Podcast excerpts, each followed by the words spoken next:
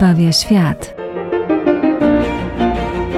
Zapraszamy Państwa na audycję o dziełach sztuki, które mają wartość uświęcającą. I artystach, którzy poprzez swoją twórczość ukazywali swoją więź z Bogiem.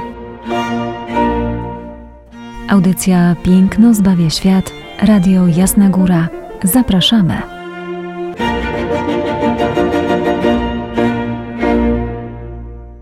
Pozdrawiamy Was ponownie serdecznie w kolejnej audycji Piękno zbawia świat. Izabela Banaszewska i ojciec Tomasz Mordziałek. Przed nami y, jedna z pięknych uroczystości w Kościele katolickim, chociaż niestety cały czas ma ten e, posmak pewnego e, smutku i straty.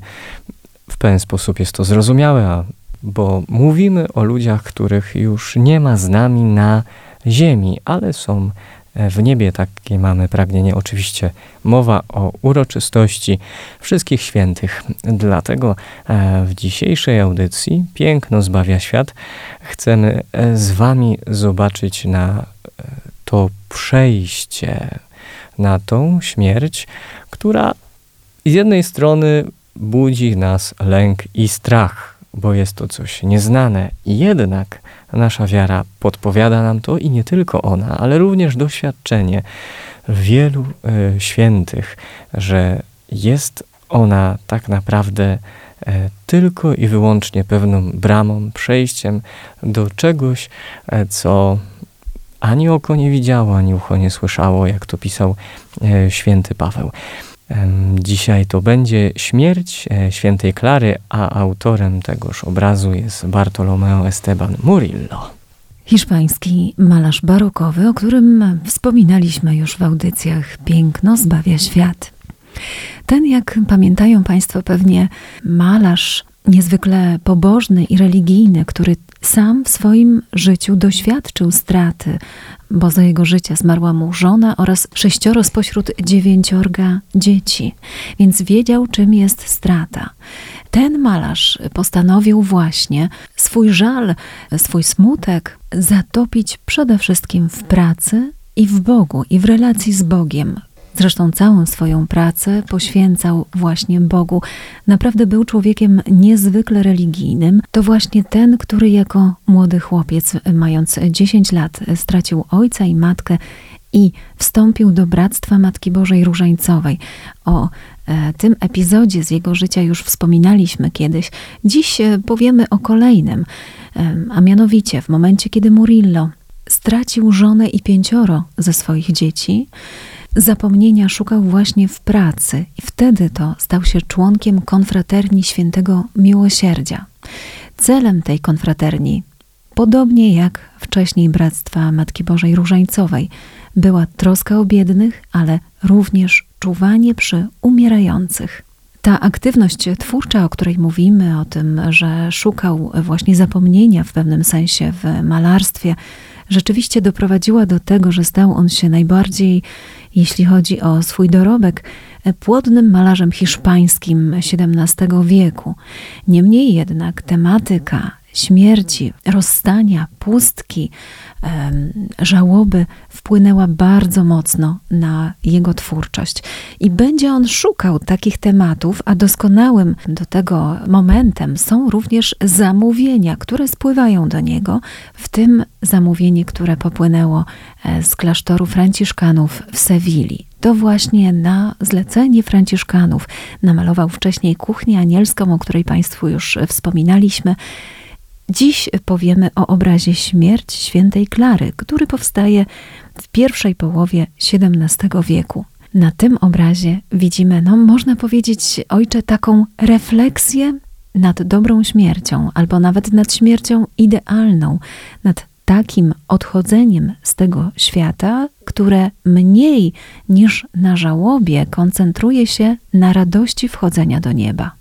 To prawda, jednak e, nie tylko sam malarz tworzy obraz tej e, dobrej śmierci, tylko żeby mnie dobrze zrozumieć, oczywiście on jest twórcą e, obrazu i on to wszystko przedstawił i mógł interpretację swoją lepiej lub gorzej narzucić, ale całość inspiracji wychodzi z biografii świętej Klary, którą napisał również biograf świętego Franciszka, Tomasz Strzelano który opisywał, że ostatnie chwile, ostatnie dni świętej Klary naprawdę były niezwykłe. Zresztą całe jej życie było niezwykłe.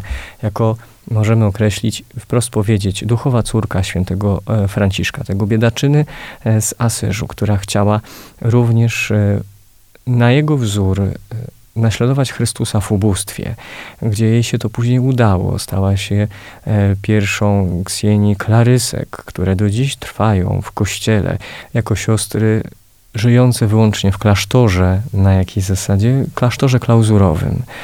Pierwszy klasztor i w klasztor, w którym też zmarła i, i żyła, klasztor przy kościele San Damiano, który Franciszek e, własnoręcznie odbudował i później też tam przy pomocy swoich braci wybudował klasztor dla ubogich pań. O tak one były e, określane.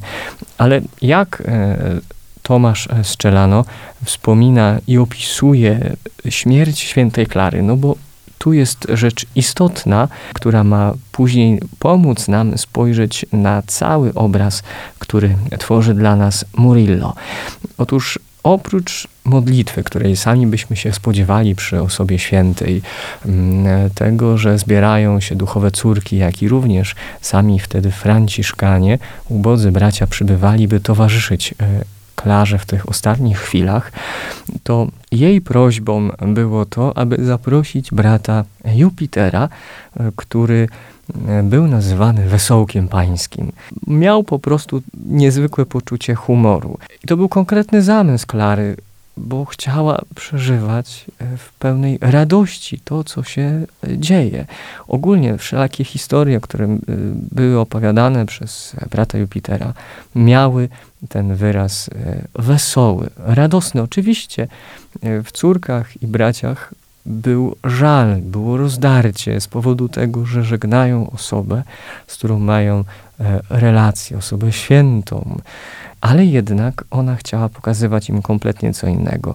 Jednocześnie błogosławiąc im i dając też przykład, gdy przyjdzie ich moment śmierci, jak dobrze by było, żeby się przygotowali na nią i jakie postawy przyjmowali. Oczywiście też i e, biograf wspomina o tym, że prosiłaby czytać jej e, mękę pańską, czyli jednoczyć się dalej e, z cierpieniami mistrza i zbawiciela, za którym pragnęła iść szczególnie w tej drodze ubóstwa.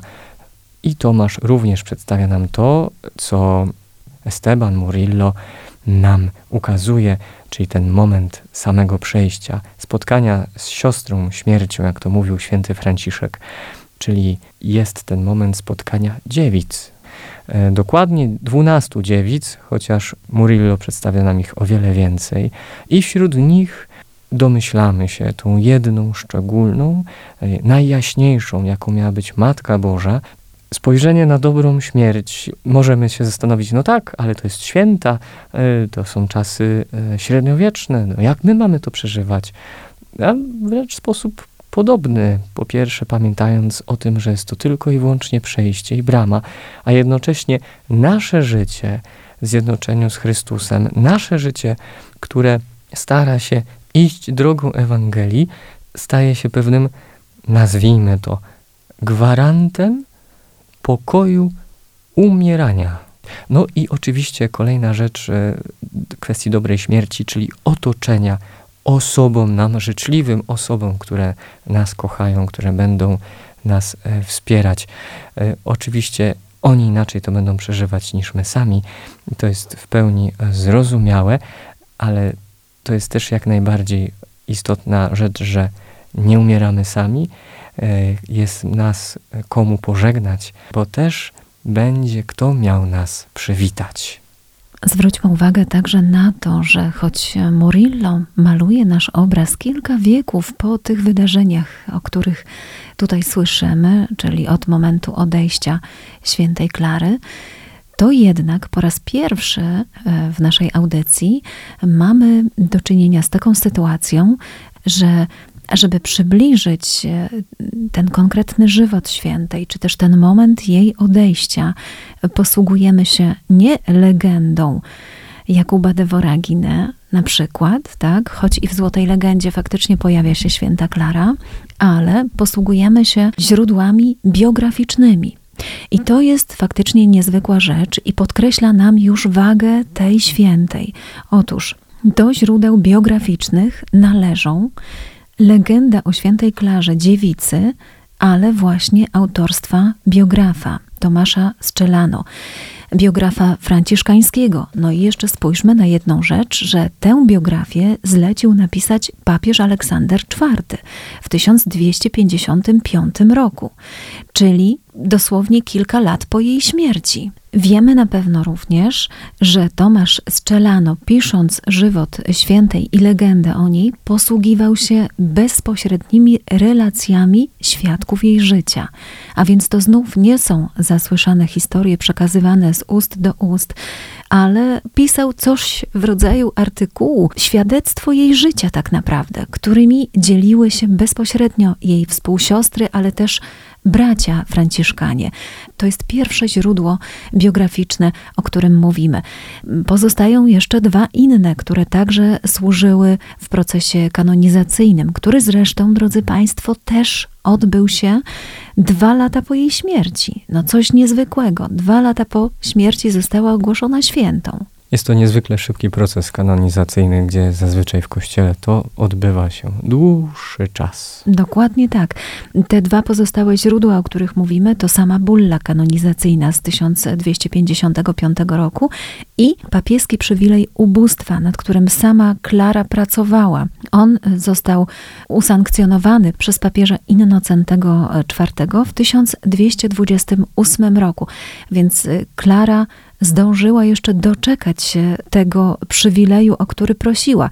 Chodziło o to, aby siostry mogły żyć w ubóstwie, aby przyznano im w regule właśnie ubóstwo, aby nie przyjmowały na przykład reguły benedyktyńskiej. O co chodziło dokładnie z e, tym przywilejem? Dlatego, że mamy czasy, kiedy jeśli chodzi o tworzenie nowych klasztorów żeńskich, podobnie jak i innych klasztorów e, męskich, powinny posiadać pewne uposażenie, by móc się utrzymać, aby nie zdawać się niejako na łaskę innych ludzi, gdzie to też było w pewien sposób rewolucyjne, jeśli chodzi o spojrzenie Franciszka i również drugiego zakonu, o jakim mówi się, drugiej gałęzi zakonu franciszkańskiego, czyli klarysek, że owe zakonnice miały też utrzymywać się wyłącznie z pracy własnych rąk, bez posiadania wsi, pól, lecz podobnie jak Franciszkanie, by żyć z tego też, co ludzie będą im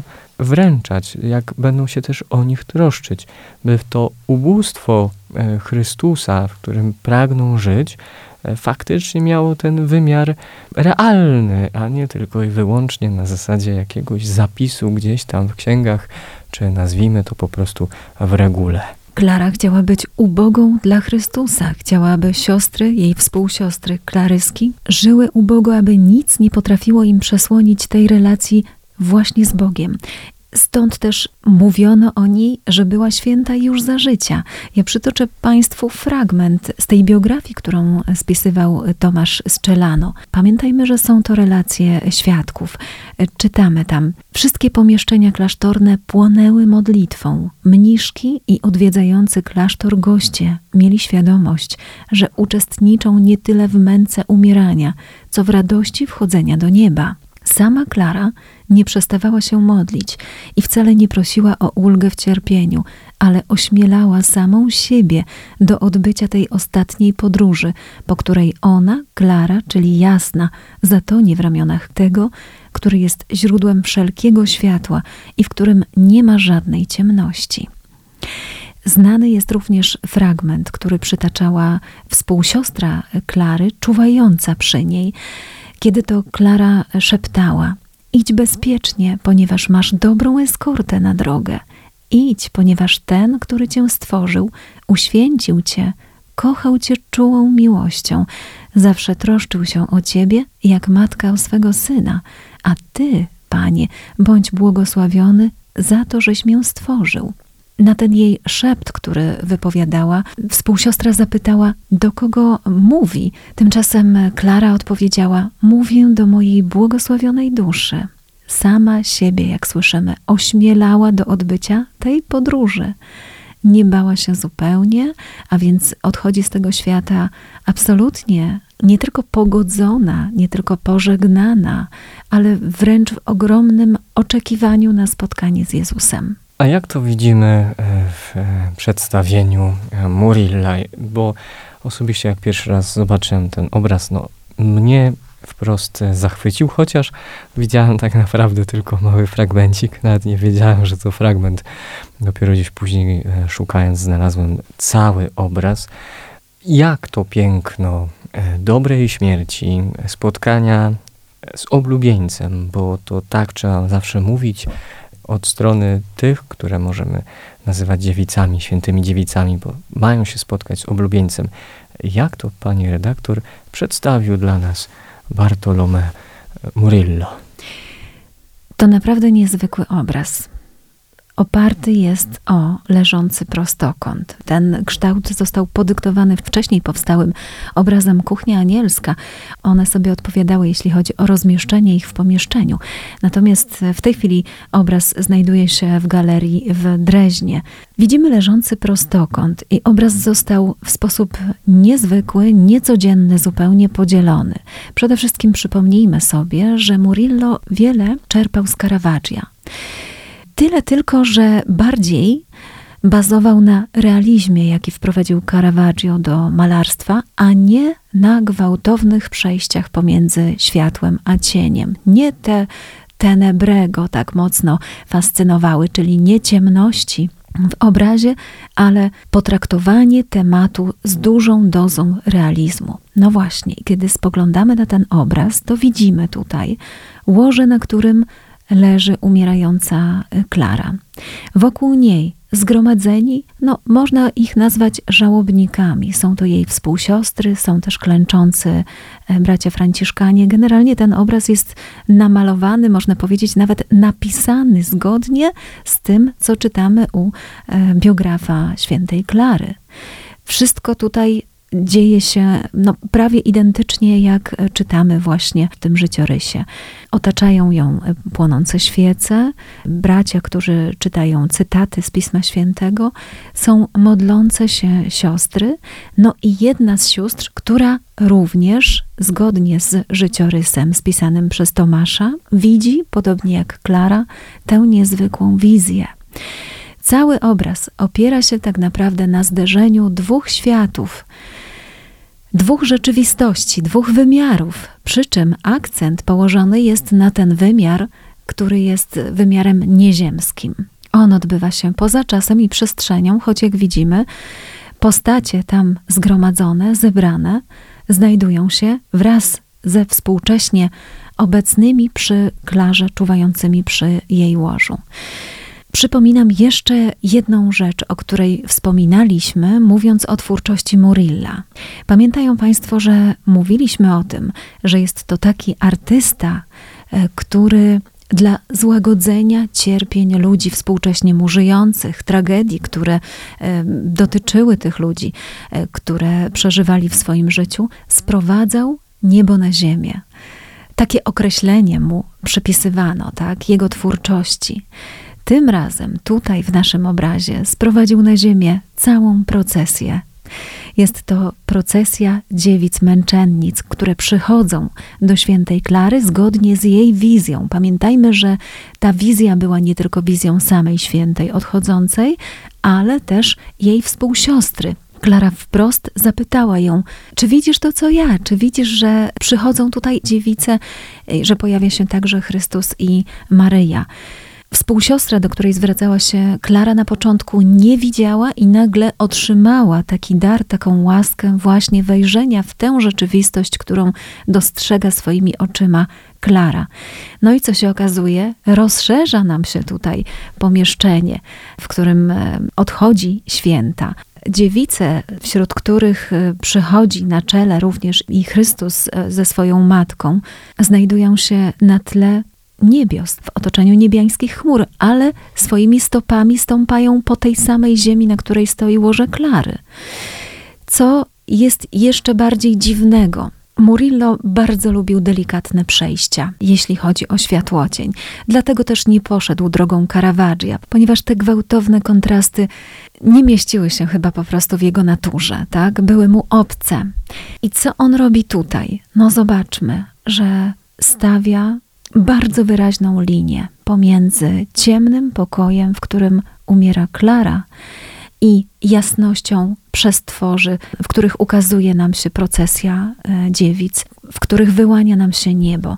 No, to jest coś, co jest kompletnie niezrozumiałe, bo tak jak mówię, jest to artysta, który rozmywał e, światłocieniem kontury, który nie malował konturem, ponieważ tak doskonale opanował sfumato i modelunek światłocieniowy, że mógł sobie na to pozwolić, aby w jego obrazach w ogóle nie było przejść gwałtownych. Tym razem tutaj nawet ciężko mówić o gwałtownym przejściu. Tu jest kontrast oddzielony linią. Tę linię przedzielają w jakiś sposób ramiona dziewic, które otaczają Klarę, które przykrywają ją tym słynnym złotym płaszczem, w który według wizji Klara miała zostać ubrana. Ja jednak gdzieś tu widzę, y, głęboko gdzieś we mnie to siedzi ten, ten kontrast, który nam pokazuje Murillo. Y, widzimy właśnie raz od pasa, gdzie Klara jest wśród y, Franciszkanów i swoich współsióstr. I widzimy y, to łoże, na którym leży łoże, no łóżko biedne i ubogie, no bo jakie ono miało być wśród ubogich pań. I już zaraz za tą linią kontrastu, za tą, tą konkretną linią nie widzimy już samego podłoża tego łóżka, tylko i wyłącznie samo przykrycie, które jest królewskie samo w sobie.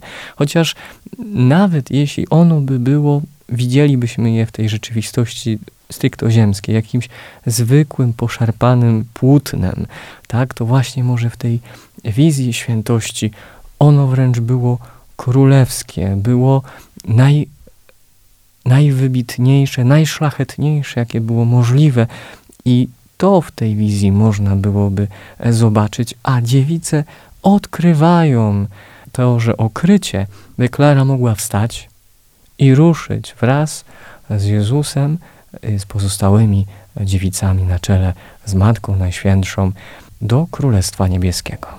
Fakt braku tych półtonów, braku tej strefy pośredniej w obrazie, gdzie aż prosiłoby się o mm, zamarkowanie pewnego rodzaju rzeczywistości. Zresztą coś takiego zrobił Murillo w kuchni anielskiej, prawda? Gdzie na jednym długim prostokącie widzimy brata Franciszkanina w dwóch różnych momentach, a obraz składał nam się wówczas tak naprawdę z trzech scen, które to zgrabnie połączyły postacie dwóch aniołów tutaj nie mamy zgrabnego połączenia, tak? Dlaczego artysta szokuje nas w ten sposób? Dlaczego maluje coś takiego w tym obrazie? Myślę, że chciał dać do zrozumienia, że procesja dziewic była aż tak bardzo realna w rzeczywistości pokoju odchodzącej świętej Klary. Zresztą jej współsiostra, która czuwa, klęczy tuż przy niej, jako jedyna podnosi oczy w górę aby ujrzeć właśnie tę scenę. Pozostałe mają spuszczone w dół oczy, być może są pogrążone w modlitwie, podobnie jak bracia Franciszkanie. Wszakże to modlitwa towarzyszyła właśnie odejściu Klary, o czym także czytamy z życiorysu. Ale właśnie ta jedna współsiostra podnosi swoje oczy w górę, widzi doskonale, jest świadkiem pewnego zdarzenia, które nam tutaj Murillo doskonale zrelacjonował. No i myślę, ojcze, że nikt tak dobrze jak właśnie ten malarz nie potrafiłby chyba poczuć tego tematu. On, ojciec dziewięciorga dzieci, które Umierały mu kolejno, sześcioro z nich odeszło. Wcześniej odchodzi także jego żona. Doświadczył bólu, żalu, straty, ale otrzymał to, co najważniejsze otrzymał relację z Chrystusem. Zgodzę się w stu procentach, e, a czas nas też już powoli goni, a moglibyśmy jeszcze dotknąć tu parę rzeczy ewidentnie e, w tym, co Murillo nam przedstawia, ale pozwólcie, że kończąc, e, przedstawię Wam hymn, którym Kościół modli się, gdy wspomina dziewicę. Jest to hymn z godziny czytań jako formę modlitwy, ale też tego, co wspólnota Kościoła widzi i przedstawia, gdy mowa o, o dziewicy. Niech wierny lud jednogłośnie wysławia dźwięczną melodię. Dziewicę, która na niebie jaśnieje blaskiem promiennym, gdyż ona całe swe życie oddała chwale Chrystusa, a teraz już się weseli wśród grona Jego wybranych. Przezwyciężyła czystością słabego ciała pokusy i gardząc świata urokiem, zdążała śladem Chrystusa. Za jej przyczyną, o Panie, właściwą ukaż nam drogę, Podźwignij z nędzy upadków i pomóż świętość zdobywać. Niech Ciebie, Jezus zrodzony z nienaruszonej dziewicy i Ojcu z Duchem Najświętszym wychwala całe stworzenia. Amen. Świętości, radości ze świętości e, i tego, powiedzmy, dziewiczego serca, które nie doświadcza grzechu, na uroczystość zbliżających się wszystkich świętych serdecznie Wam życzymy i Słyszymy się za tydzień. Do usłyszenia.